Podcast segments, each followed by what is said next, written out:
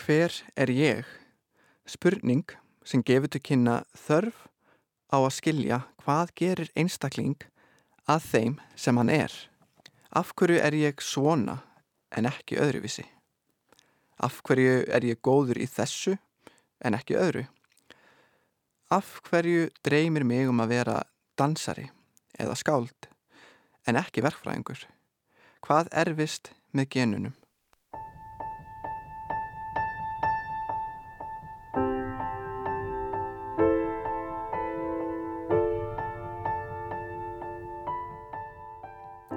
Ég veit að á bakvið mig er mamma.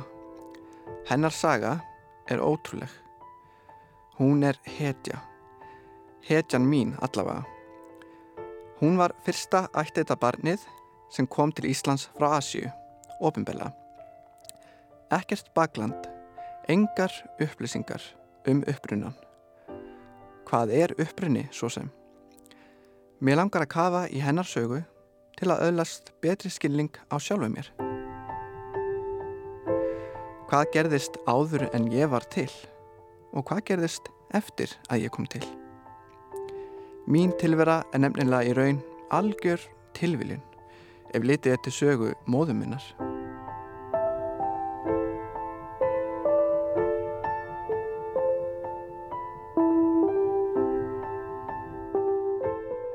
Meine erste Erinnerungen als Kind an meinen Vater war, da ich ihn ja nicht kannte.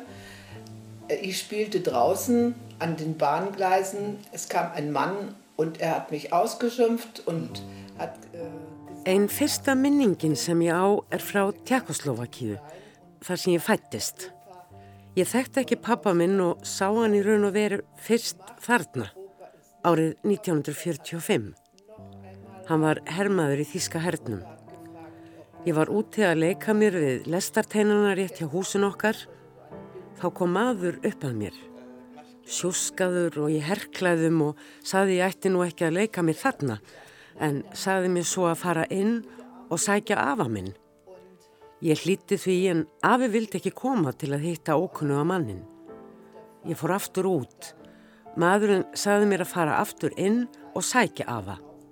Ég hljóp inn og þá spurði afi hvort þessi maður væri með bindi utanum handleikin, sem sagt gýðingamerki. Og ég saði, nei, það er ekki neitt merki á honum. Hvað vildi maðurinn? Ég fór aftur út til hans og þá tók maðurinn upp lítið blað og blíjant sem hann var með í fórum sínum og skreifaði á miðan Rúdi ist zurück eða Rúdi er komin aftur.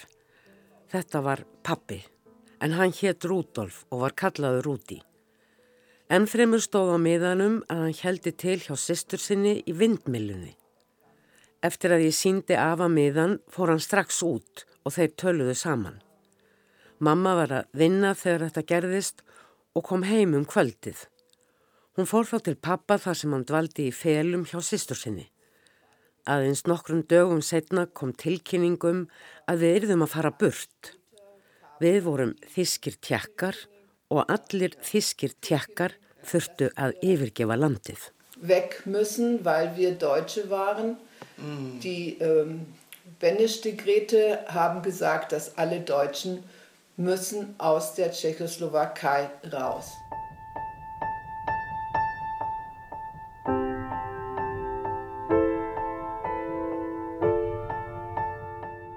Mamma mín sérst var hjókunarkona og var að vinna á landsbytalanum og ég kom einhver tíman til hennar að ná henni í vinnuna eða eitthvað. Og við fáum þær fréttir að einum nunnunum sem að voru á heimiljónu Índlandi hafi látist. Og ef ég mann þetta rétt þá einhvern veginn fröys ég, ég einhvern veginn stoppaði, vorum að ganginum og ég stoppa á ganginum og ég verði alveg rosalega leið. Ég man ekki hvort ég var að gráta en það var, það var eins og að kannski einhver tenging hafi komið þar.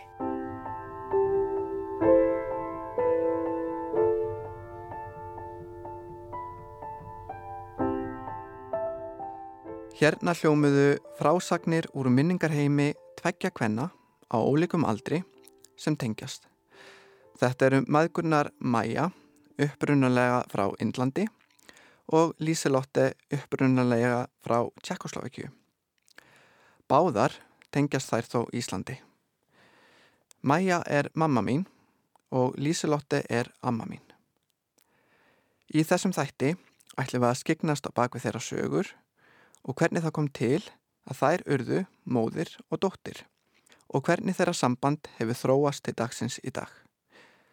Ég ætla að krifja sjálfa mig aðeins í þessu ferli, kynnast mömmu betur og við saman ætlum að deila þessu öllu með ykkur, kæru hlustundur og veita þannig vonandi insýn inn í flókin áhugaverð en umfram allt falleg fjölskyldu tengsl og varpa um leið ljósi á hver dýrmætt lífið raunverulega er. Ég er fætt á Índlandi 1966. Það er kannski ekki alveg vita hvar en ég fannst í borginni Anderi á Índlandi sem er tilheyri Mumbai, svo kallar hétt áður Bombay. Er þetta ákveði hverfi í borginni? Nei, það er, hér, það er Anderi borg. Já. En er svona, eða lít, hvað myndum að segja, borg að lítir bær sem tilheyri samt uh, Mumbai því það er svo nálægt sko, Mumbai. Það voru tveir menn sem fundu mig bara nokkra vikna gömul, ég var bara pínu lítil sko, ég var ekki eins og bara verið nokkra mánada. Mm. Eða ég jafnvel ekki eins það, mér minnir að mamma mín har sagt verið ég hef bara verið bara nýfætt eila. Og þessi tveir menn fundu mig með öðrum gödubörnum, einan um önnum gödubörn og fóru með mig á heimili sem þeir vissu greinilega um og það er, heitir hérna St. Catherine's Home mm -hmm. í Mumbai. Hvaða ár var þetta? Þetta hefur verið, já, 1966 af því að mm. ég er svo ætleitt 1969. Já, þá ertu ætleitt hinga já. til Íslands. Já. Um, það er 69 þannig að þú hefur verið tveggja háls Háls, já, já, tveggja háls uh, Það er alltaf kannski ekkit alveg vita nákvæmlega upp á hár hvenar þú ert tveit Nei, það er ekkit alveg al nákvæmlega vitað Hvernig var það ákveðið, þú veist hvernig var ammaliðstafurðin til dæmis ákveðin? Hann var ákveðin út frá þeim að því þetta 28. oktober er daguri sem ég fannst Þann sem ég kem á heimilið það, og þá var mér gefin bara þessi ámælistafur.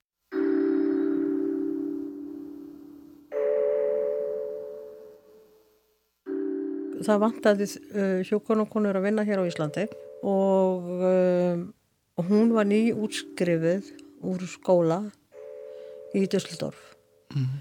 og uh, mér minnir að þeim að bara fengi, fengi búð um að koma sko að vinna hér að, að vinna á spítala mm -hmm. Hvað var hún gömul á þessum tíma? Hvað hún er bara kort nú, 28 ára kannski, fætt 1941.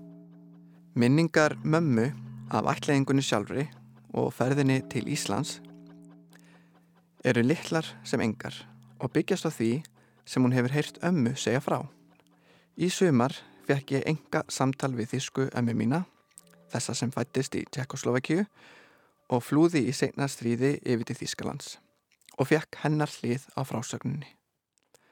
Af hverju var hún stödd á Íslandi?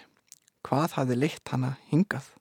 Und dann bin ich nach Berlin gegangen zu meinen, erst sollte ich in einer Hauswirtschaftsschule gehen. Husmeisterschule. Husmeisterschule, ja.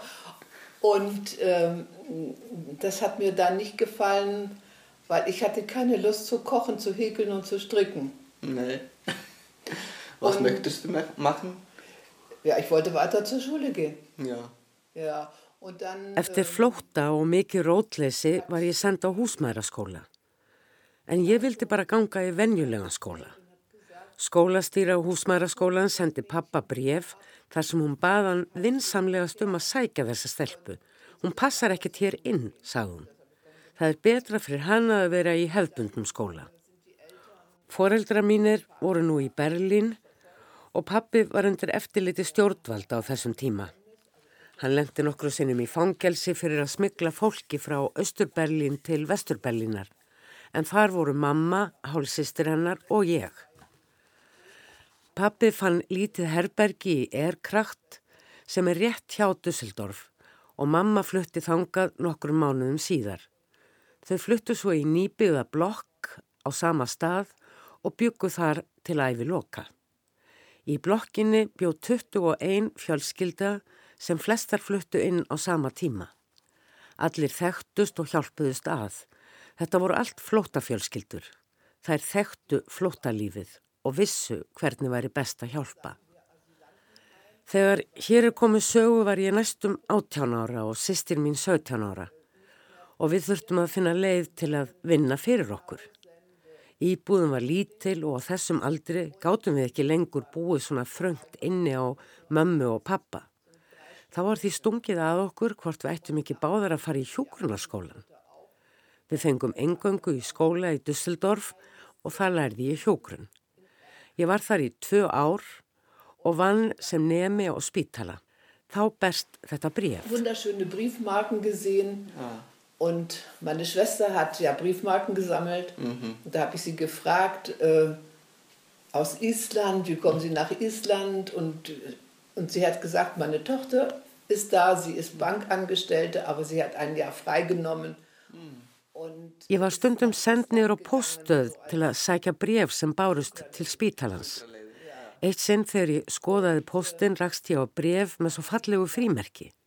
Sestir mín sapnaði frímerkjum og við höfum aldrei séð frímerki frá Íslandi áður sem okkur fannst auðvitað spennandi. Ég fór með brefið til konuna sem það var stílaða og spurðana hvernig stæði á brefasendingu til hennar frá Íslandi. Hún saði mér þá að dóttir hennar hefði ákveðið að taka sér árs frí frá vinnu í banka og fara til Ísland sem sjúkraliði. Ég spurði hana hvort ég mætti fá heimilisfangi þar sem hún væri að vinna og fekk það. Ég skrifaði strax til Landakotts spítala og yfirhjókruna konan þar svaraði strax og sagði að við gætum komið strax til Íslands. Meine Schwester und ich sind dann von Düsseldorf mit dem Zug nach Kopenhagen gefahren. Við sýstin mín fórum frá Düsseldorf til Kaupmannahafnar og vorum þar einanótt. Dæin eftir fórum við tvær á samt einum íslenskum karlmanni um borði skipið drottning Alexandrína sem var á leið til Íslands. Ferðin var hræðileg. Það var februar og átjónstega frost. Ísbrjóta ruttu braut hluta af leiðinni. Ég og sestir mín erum báðar mikið veikar um borð en þegar einn þernana um borð tilkynnt okkur að við varum að nálgast höfn í Reykjavík, klættum við okkur og fórum út. Og það var vor í Reykjavík. Und das war nur Islandtief und wir kannten nur das Islandtief, sonst mm. kannte kaum jemand äh, etwas von Island gehört. Nei. Gar nichts, gar nichts. Ég vissi ekkert nema ég þekkti orðið Íslandtíf sem var notað um læðir þegar talað var um veðrið í Þískalandi. En þar fyrir utan hafði ég mjög óljósar hugmyndur um það hvað og hvernig Ísland væri í raun og veru. Ég vissi ekkert. Þetta var árið 1963.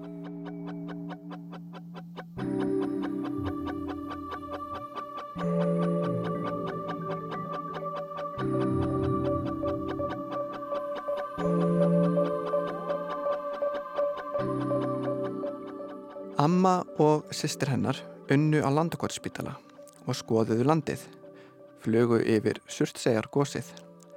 Almennt segir amma Ísletninga ekki hafa verið sérstaklega almennilegir í fyrstu, sérstaklega ekki eldra fólk. Hún var kölluð helvitis útletningur og henni fannst eins og fólk ætti erfitt með að samþykja kathólsku trú hennar. Þrátt fyrir það kunni hún ágætlaði við sig. Eftir Þískalands heimsó, jólin 1963, sneri hún einn tilbaka til Íslands.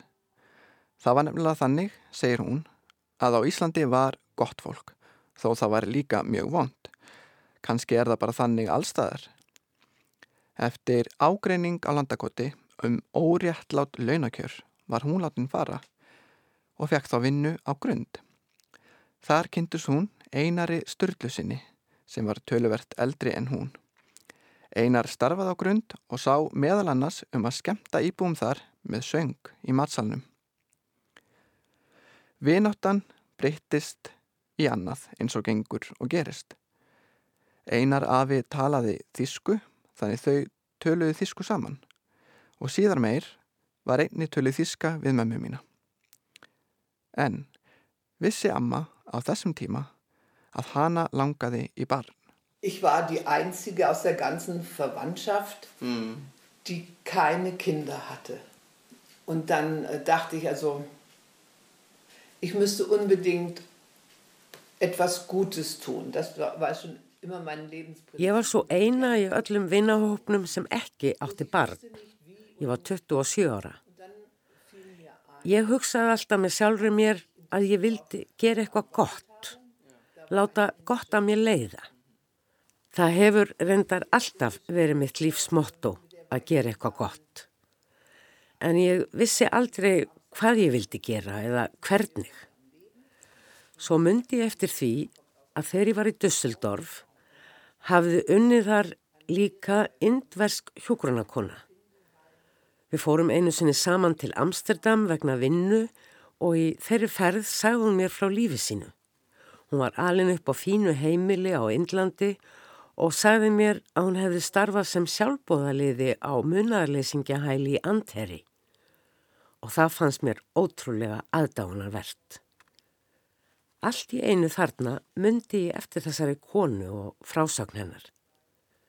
Ég hafði fengið heimilisfangið á munarleysingahælinu hjá henni og ákvaðað skrifaðangað. Nunnurna sem unnuðar svörðuði mér strax. Þar sögðu mér að ætleðingaferðli væri mjög flókið og tæki langan tíma. Ég var alltaf að borga eitthvað, hvert skjál kostaði sitt. Svo vantaði alltaf eitthvað. Það þurfti alls konar upplýsingar og skjöl. Svona gekk þetta fram og tilbaka í um það byrj eitt og hálft ár. Ég fór í sendiráð á Íslandi og hitti þar danskan ráð þeirra. Hann saði mér að þetta væri allt saman mögulegt en bendi mér á að hér væri engir útlendingar, horki brúnir nýja röndóttir. Það væri því ekki víst að fólk myndi taka barninu vel. En ég var sannferðum að það verði ekki vandamál. En það kom hér gagstaðið í ljós þegar á hólmi var komið. Fólk var alveg heitlað að mæju. Og það var náttúrulega genau das Gegenteil. Já. Já, die Leute waren alle uh, ganz begeistert. Mamma var því með einhverja hugmynd um hvernig þetta kom allt til. En það var ekki þannig að munaðarleysingahælið hafi leitað til ömmu með myndir til að aðtjóa hvort einhver á Íslandi vildi ætliða. Frumkvæðið kom frá ömmu sjálfri. Ja, ich bekam dann drei Bilder. Tja, mir war das ganz wurscht. Ja. mir war das ganz wurscht. Ich, ich wollte ein Mädchen, es gab ja dort nur Mädchen. Já. Svo einn daginn fjekki þar fréttir frá munaðarleysingahælinu að ég ætti von á stelpu einhver daginn. Þau sendu mér þrjár myndir til að velja úr. Ég vissi ekki hvað ég átt að gera. Ég vildi stelpu og það voru reyndar bara stelpur í bóði. Það skipti engu máli fyrir mig hvort hún væri eins eða tvekkjára. Ég var í algjörum vandræðum. Ég skoðaði myndirnar aftur og aftur og endanum prófaði ég að leika ugla satt á kvisti og valdi eina mynd með lókuð augu, skellt henni umslag og sendið þeim tilbaka. Ég fikk svar, já, þetta er drottningin okkar, hún Maja. Einfach ein Bild genommen, habe es in den Umschlag getan, in den Briefumschlag und dann zurück. Und dann haben sie geschrieben, das ist unsere unsere Königin Maya.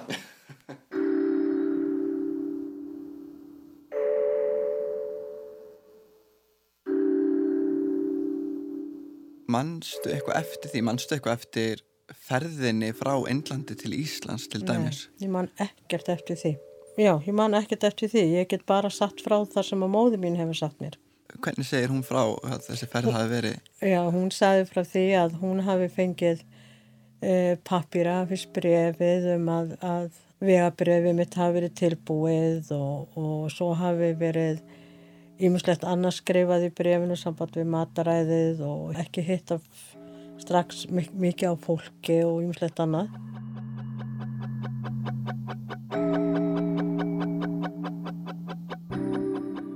Ich fahre nach äh, Deutschland zu den Eltern mhm. und warte, bis ich wieder was von denen höre. Und dann klingelt es abends um sieben, halb acht. Mhm. Ich Lockenwicklern und dann kam ein Telegramm. Það sem allt gekk svo hægt með pappirana ákvaði ég að fara í heimsók til foreldra minna í Dusseldorf. Eitt kvöldið klukkan halv átta barst símskeiti og í því stóð Maja kemur til Amsterdam klukkan tíu í fyrramálið. Mín fyrstu viðbröð voru bara Guð almáttugur, Hva, hvað getum við gert? Það gekk hvorki lesni strætó til Amsterdam. Við ringdum í leigubílstjórum kvöldið og báðum hann um að skuttla okkur til Amsterdam. Hann spurði hvort við værum alveg vissar. Vitiði hvaða kostar? Okkur var auðvitað alveg saman um það. Við þurftum bara að komast til Amsterdam. Og daginn eftir keiriðum við mamma þangað. Við höfum mælt okkur mót á ákveðnum stað á flugvellinum og þar var hjógrunarkona með mæju í fanginu í dökgröðum blettóttum kjól. Maja grétt ofsalega. En við tókum hana bara og vöfðum hann inn í teppi. Við fórum aftur í leigubílinn sem við höfum beðið um að býða fyrir utan. Hann hugsaði öruglega, hvað er með þessar konur? Það er fara út tvær og koma þrjár tilbaka með barn. Hann horfi fullur tortreikni á okkur og var öruglega veltaði fyrir sér hvort hér varu barnaræningar og ferð. Hann var afar forvitin og við sagðum honum alla söguna. Þetta getur ekki verið, sagðan.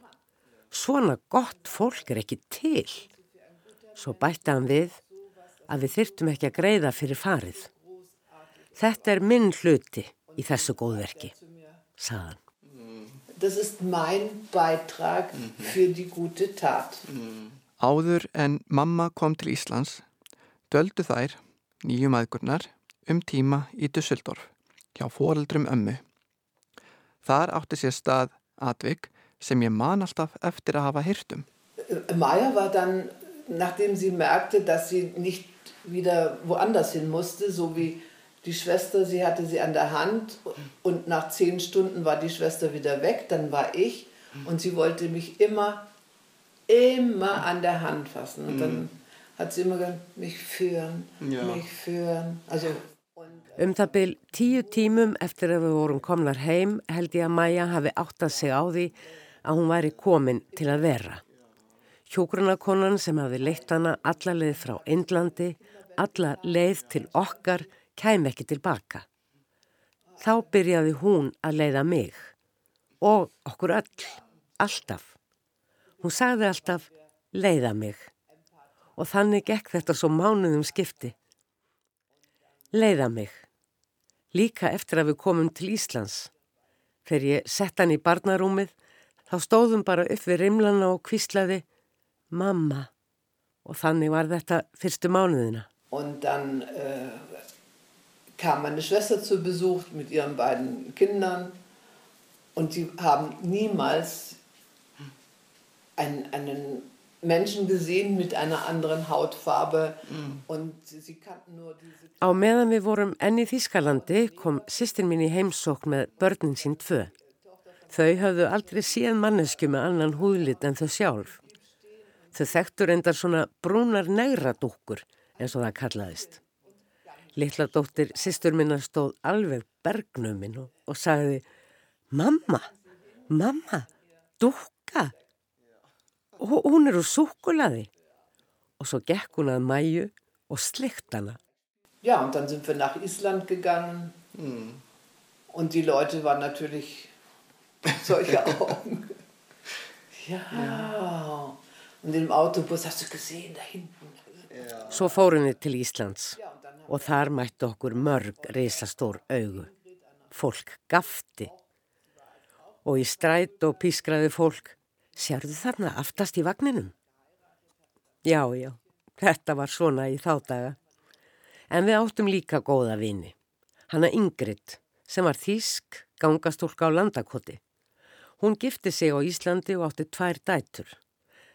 Við fórum til hennar kannski tvissar í viku til að leika og lífið gekk svo bara áfram. So seinen gang.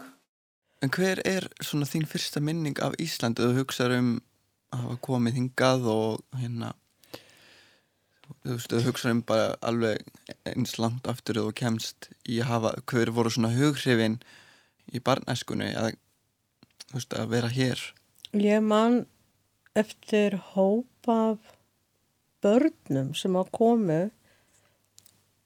uh, ofta leika við okkur. Ég bjóði lögurásvegi sjö og þar voru hjón sem áttu dottur sem að ég var mikið með. Og, og það voru einhver önnu börn í götunni sem ég man mjög vel eftir en ég man kannski ekki alveg nöfnin á þeim. Og það er svona það sem ég man mjög vel að hafa verið með þessum krökkum og veist í gardinum og svona leika En svo er það nefnilega leik, svo mann ég svolítið, mann ég frekar svolítið úr sko leikskólanum. Mm. Hvernig, hvernig var að vera í leikskóla hér og hvernig var það eignast vini? Ég átti auðvelt með að eignast vini sem barn. Börnin voru auðvitað kannski forvitin að, veistu, ég var svona dökk og með svona dökkt hárið. Það, ég man ekkert eftir einu svona það var engin stríðin eða neitt svoleiðis mm. e e ekki, ekki þarna þegar ég kom í leikskóla en ég fer, fer ekkert samt í leikskóla fyrir en ég er búin að vera cirka ár bara mm. með mömminni það sem ég man eftir var að ég man svo vel eftir matnum á leikskólanum og mm. man svona glögt eftir húsnæðinu Akkur heldur það að mynda eftir matnum? Hvað var Hvað var svona sérstaklega matinn? Ég bara veit það ekki, það er kannski og ég mann svo eins og núna í dag þegar maður er að tala um mat frá þessum tíma þá kemur alltaf mitt í huga mér er mitt maturinn í leikskólanum það var gulur búðingu með saft og það var sakokrónugrautur og það var kakosúpa mm. um, það sem ég maður mjög vel eftir var svona ég held að verið súrumjölk einhverju hirtnum mm -hmm. það fannst það mjög gott Ég man jú svo man ég líka eftir að hafa verið í, ég og einhverju krakk og sungu var mikið í rólunum. Það vorum að róla. Mm, mm. Og það er eitt lag sem kemur alltaf upp í minningunum. Það var með lag með Basic í ról sem er hétt Manjana. Mm. Og þetta galaði maður vilt hátt og snjált í rólunum sko.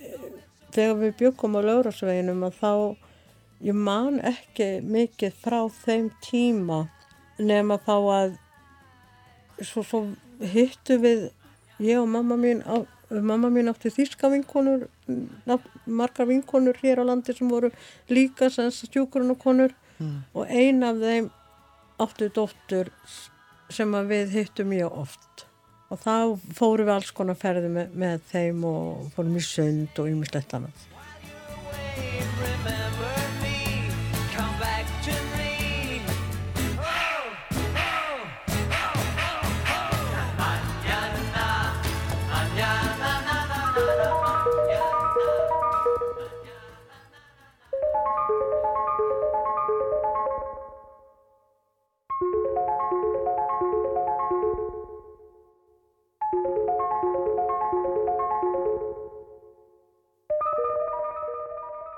ist auch ganz interessant, da ist eine Frau, die, die, die, kennen wir schon äh, so und so viele Jahre und sie war immer alleine, alleine. Auf einmal kommt sie mit Branken.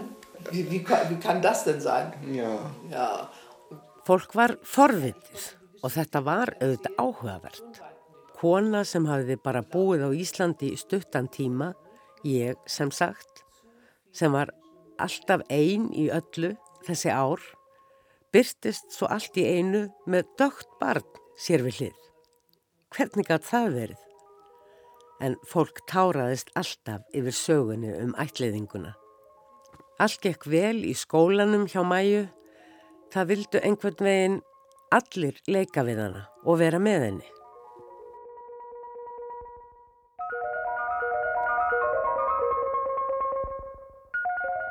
Mamma mín segir mér fram og fólk hafi stundum stoppað hana og mm. komið við hári á mér að því það var svo svart og, mik og, og, mik og mikla kröllur mm. og fólk hefur svona aðeins að koma við húðin á mér og svona, fólk svona verið að aðeins að hugsa og ég er náttúrulega stingsvolt í stúa því að þetta var ekkert algengt Nei. var ekkert og ég menna þú ert er það ekki fyrsta ætlita barni sem kemur svona ofinberlega frá Asju? Já, frá Asju, meira að segja sko, ég við þeim máðu mín á pappira frá Kristjánu Eldjárt til að fá leiði til ætlaða mig. Já, já, fórseta Íslands bara, já, já fá velirði fyrir ætlingunni. Já. Þannig að sem, maður svona, þú veist, ef þú hugsaði tilbaka þóttu kannski munar það ekki sko, sem lítil stelpa, já. en þú veist, hvernig allir Íslands samfélag hafi verið á þessum árum, fyrst að, fyrst að þetta var svona fyrsta ofinbæra ætleggingin og, og, og þú veist, fólk er mitt að stoppa ömmu og, og skoða þig og Já. þú veist, maður svona spáður aðeins í því, þetta er ekki það langt síðan sko. Nei, þetta bleið ekki svo langt síðan en ég held að ég hafi af því að ég haf ég held að ég hafi samt fundið og lítið sko því þegar ég er uh, þetta er svona krakka voru miklu meiri úti á þessum tíma og maður var mikið úti að leika með alltaf með sömu krakkanum mm. og hérna það kom hérna tímabil sem að við e, fólk til dæmis eða e, vinkunina mömmu sem að þessi þíska sem átti þessa dóttur hún er alveg ljósærð mm. og, og þegar við fórum saman í sund jú, mm. þá var fólk alveg bara var svolítið svona starað á okkur mm. því ég var svo dökk og hún er svo ljós mm. og hérna mamma þurfti fyrir þetta auðvitað bara að útskýra hvaðan ég væri og svona og, mm. en, en það er ekki fyrir en, en maður, ég var svo í lókuð eiginlega hvað maður segja, kannski umhverfi út því að ég fer snemma á leikskóla mm. eða sem sagt þegar ég er svona eitthvað kringum þryggjára, þryggja fjórða árinu í leikskóla og þar alltaf eru mikið á bötunum þar eiga mæður sem er að, er að vinna á spítalunum að því að ég var á öldukoti. Og marga mæðurnum voru að vinna sagt, á spítalunum að landakoti. Og, og einhverju þar fóru svo líka í skólan þannig ég, í sama skóla ég.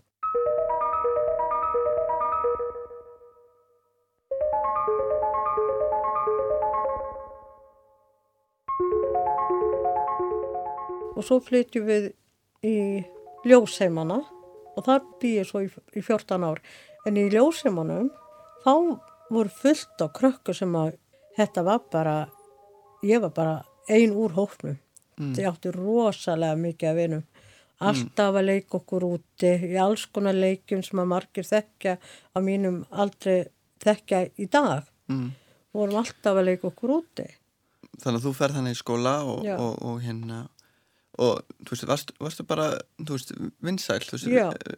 þú veist uh, uh, sko uh, það var alltaf líf kringum mig við, mm. við vorum ég held að það hefur líka hjálpað svo mikið til þetta voru náttúrulega fáir í bekk og, og, og, og við vorum bara eitt bekkur í hverjum árgangi þannig að mm. maður helst svona vel saman að mm. krakkarnir voru ekkert að hugsa á mikið þau vissum vissum að ég væri kem ekki frá Íslandi. En svo var kannski uh, krakkar sem að þekkt ekki sko ég sem að kannski spurðu mig okkur ég væri svona brún og eitthvað svona. Mm. en ég held með, með minnir það var ekkert engin stríðni. Meira bara forvitni. Já, meira svona forvitni. Það var ekkert eitthvað var ekkert sagt eitthvað eftir manni eitthvað mm. ljót orði en eitt svoleis mm -hmm. fólk var, krakkarnir voru meiri forvitin já, en ég var átti alveg vini í skólanum og, og, og svona mm. þetta er og en líka hver... eins og ég segi sko eins og í hverfinu eins og í ljósimunum, þar átti ég fullt af vinum Já, en hver eru svona uh, svona hamingjusumustu augnabliki sem að mannst frá þessum árum, þú veist þessum þú veist, þú ert þannig að þú er 6 7-8 ára skiluru Já, það eru hérna, það eru mörg skemmtilega það var, það er svo skrítið að, að ég man eftir uh, krökkunum sem voru áttu heima kringum þarna þegar ég var í ljóseimunum mm.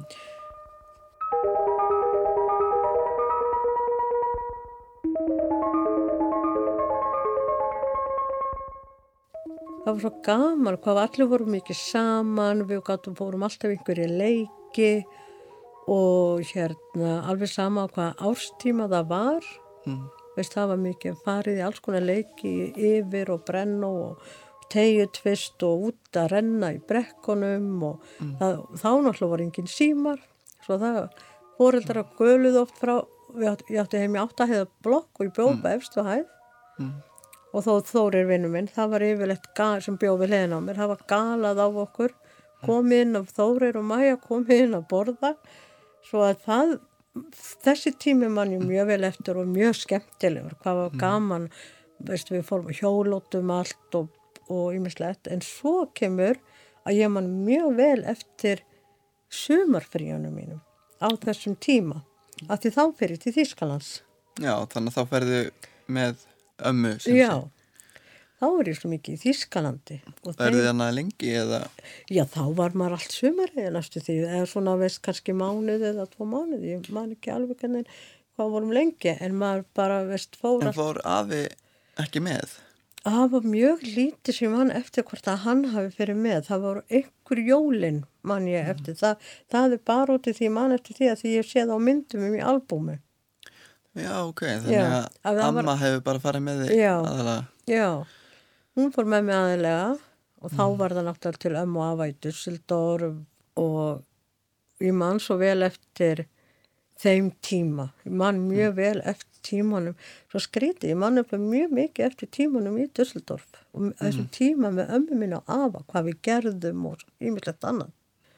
Þú fer núna að pæli því því ég spurði sko hvað er hamingisamustu augnablikin Þetta, það var alveg yndislegu tími mm. að vera út í Þísklandi hjá þeim og, og, og við ferðumst eitthvað og svo fór ég líka til Berlínar því þar áttu ég frængu og, og frænda Mm. og langum og langafa sem sagt. Um, ég man meira eftir frá Berlínatímanum þegar ég verið aðeins eldri en, hérna, en við fórum samt þarna alltaf þegar ég var yng, yngri en 12 ára Mm. þá fórum við alltaf líka til Berlínar en við mest náttúrulega vorum við alltaf í Düsseldorf og, og fórum og heimsóttum sýsturinn og mömmu minnar og svona það er svo stert í minningunni amma mín og afi hvernig þau voru voru þau mjög góð Já. við þig já, þau voru alveg yndislega mm. bara, þetta var bara yndislegu tími að vera með þeim. Og ég á svo sterka minningar með þeim. Það eru eiginlega hamingjusumustu stundirnar voru með þeim.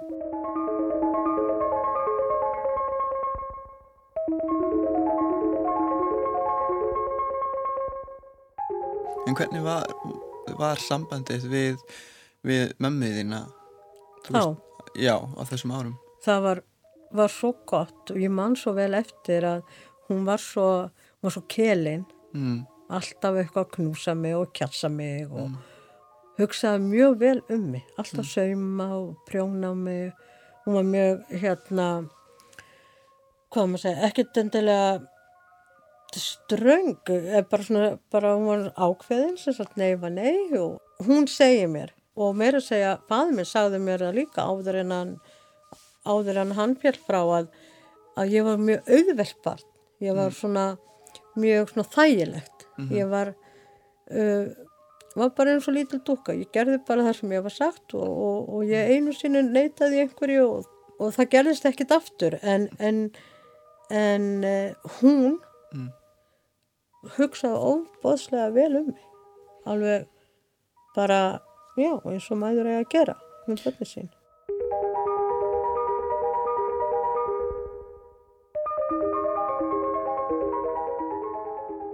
en sambandið við pappa þinn Já. hvernig var það? það var sko pabbi var, var mikið svona strínis kall, alltaf með einhverja svona brandara. Ég man svo, man eða frekar eftir pappa eftir að mamma fer hérna. Þegar svo náttúrulega skilja þau, Já, hvað er þú gömur þá? ég er á tíund ári. Þá ertu bara frekar lítil, Já. eða frekar ung Já. en þá. Veistu eitthvað, hvað kom til þess að þau skilduð? Ég hef heyrt að mamma hefur verið að tala um að hún var bara, hún var búin að, búin að fá nóg af Íslandi. Mm. Henni fannst hún ekki vera tekin í sátt að vera þessum útlendingur hér. Þetta er sem hún talar um, ég veit ekki hvað er mikið til í því en það getur alveg vel verið allt satt. Og ég man eftir, eftir skilnaðunum sjálfu mann ég voða lítið. Eina sem ég man eftir að hún var að fara að hitta annan mann og ég hafði hitt hann eitthvað tíman, Byrju, fór hún að hitta annan mann? já, hún var, farin, hún var farin að hitta annan mann hér á, í Reykjavík. Jetzt weiß ich nicht, wie ich das so sagen soll. Also, äh, warte, wie, wie, wie soll ich das dann richtig drehen? Also, ich fand es in Island dann, es war immer sehr schlechtes Wetter. Es waren, glaube ich, vier oder fünf oder sogar sechs Jahre. Es gab überhaupt keinen Sommer. Nur so Regen, Regen, Nebel und so weiter. Da ich in Island nicht geboren bin und erst mit äh, 22 Jahren nach Island gekommen bin, also ich war nicht ganz 22, nach Island gekommen bin, war ich das nicht gewohnt. Þannig var að í fyrsta lagi var veðrið á Íslandi mjög slæmt. Það kom varla sömar í fimm eða sex ár. Þar sem ég var ekki íslensk og kom fyrst til Íslands 22 ára var ég ekki vön svona aðstæðum. Og auðvitað voru krísur í sambandinu og ímsar vinakrísur sem ég vil helst ekki tala mikið um. Þar sem sömur í fjölskyldinu er ennþá á lífi. Ég vil ekki tala illa um eitthvað sem gerðist í fortíðinni. En já, ég ákvað á endanum að flytja aftur til Þískalands. Og ég kynntist líka öðru manni heima á Íslandi. Herra Fuchs sem vann hjá sendiráðinu. Það var bara vinóttu samband til að byrja með. En svo segir hann mér að hann ætli til Þískalands og það samræmdist mínum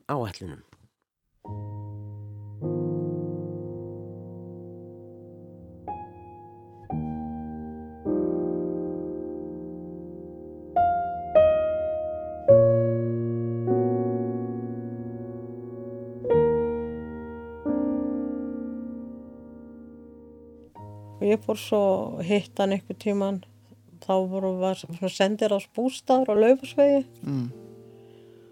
og alltaf sem badna, veit ekki hvort ég pældi eitthvað voða mikið í, mér, mér, líka, mér minnir mér líkaði ekkert vel við þetta, skiluru, sem, á þessum tíma. Já. En svo mann ég voða lítið, eina sem ég mann líka eftir að hafa farið einhverja svona lögfræðistofu. Uh, pappi minn átti held ég einhvern frænda sem var lögfræðingur í mann ekki alveg og þar mann ég eftir einhverju smá svona reyfrildi. Á milli þeirra? Já, milli sko, hafa ábygglega verið einhver forræðismál í gangi eða eitthvað. Að því að sko, ég hef, það er svona, uh, það er svona tvenna sögur sem að ég, sem að ég hef heyrt eða, eða frásagnir sem ég hef ekki kannski alveg fengið alveg í gegn frá mömmu minni af hverju uh, ég varð eftir hér. Mér minnir að hún saði líka einhvern tíman að, að hann fekk forræðið yfir mér út af því að hún var ekki íslensku ríkisborgari. Hún var mm. þýsku ríkisborgari og ég var íslensku ríkisborgari. Og, og svo líka, hann líka spurt mig hvort ég vildi koma. Og ég hafi sagt með henni Já. til Þýskalands. Mm. En þarna var ég bara nýjar og gömul og ég auðvitað sagði ég nei. Mm. Ég sem barn þá náttúrulega þótt, þótt að uh, ég náttúrulega vissi að hún var með að koma með annan mann Mm. og mér langaði kannski ekki að fara endilega með henni og þessu manni og, og maður er nýjara gammal bat Og burt frá vinið þínum hér? burt frá vinum hús, skól, skóli og skólavinum og ýmislegt annað og maður kannski, og meina, ég er náttúrulega bara barn og maður spyr ekki maður kannski ekki að spyrja barn sem að er bara svona ungt það veit ekki alveg En það verður allavega þannig að, að, að þau skilja að hún fer að þú verður eftir. Já. Og þú talar um að, að þú veist að hún hafi hugsað rosa vel um þig og eitthvað samband hafi Já. verið náið. Það var, og þarna allt einu sko meira segja að áður hún fer frá landibrótt og þá var hún komin í annað húsnæði einhvers þar í Kópavæginum en ég man ekki til dæmis eftir deginum sem hún fór hérna svo. Og allt í einu bara er ástinn farin öryggið farið, það er allt farið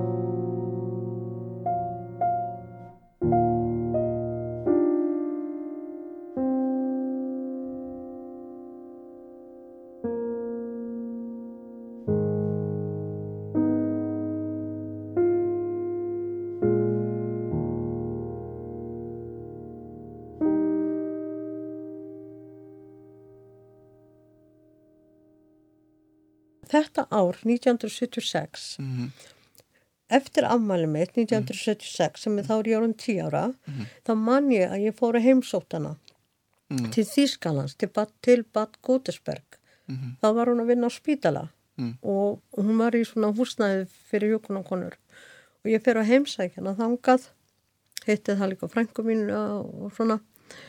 Uh, og svo kem ég bara aftur hinga heim til Íslands eftir ég er búin að vera hjá henni í fríi en svo bara flytur hún til Afriku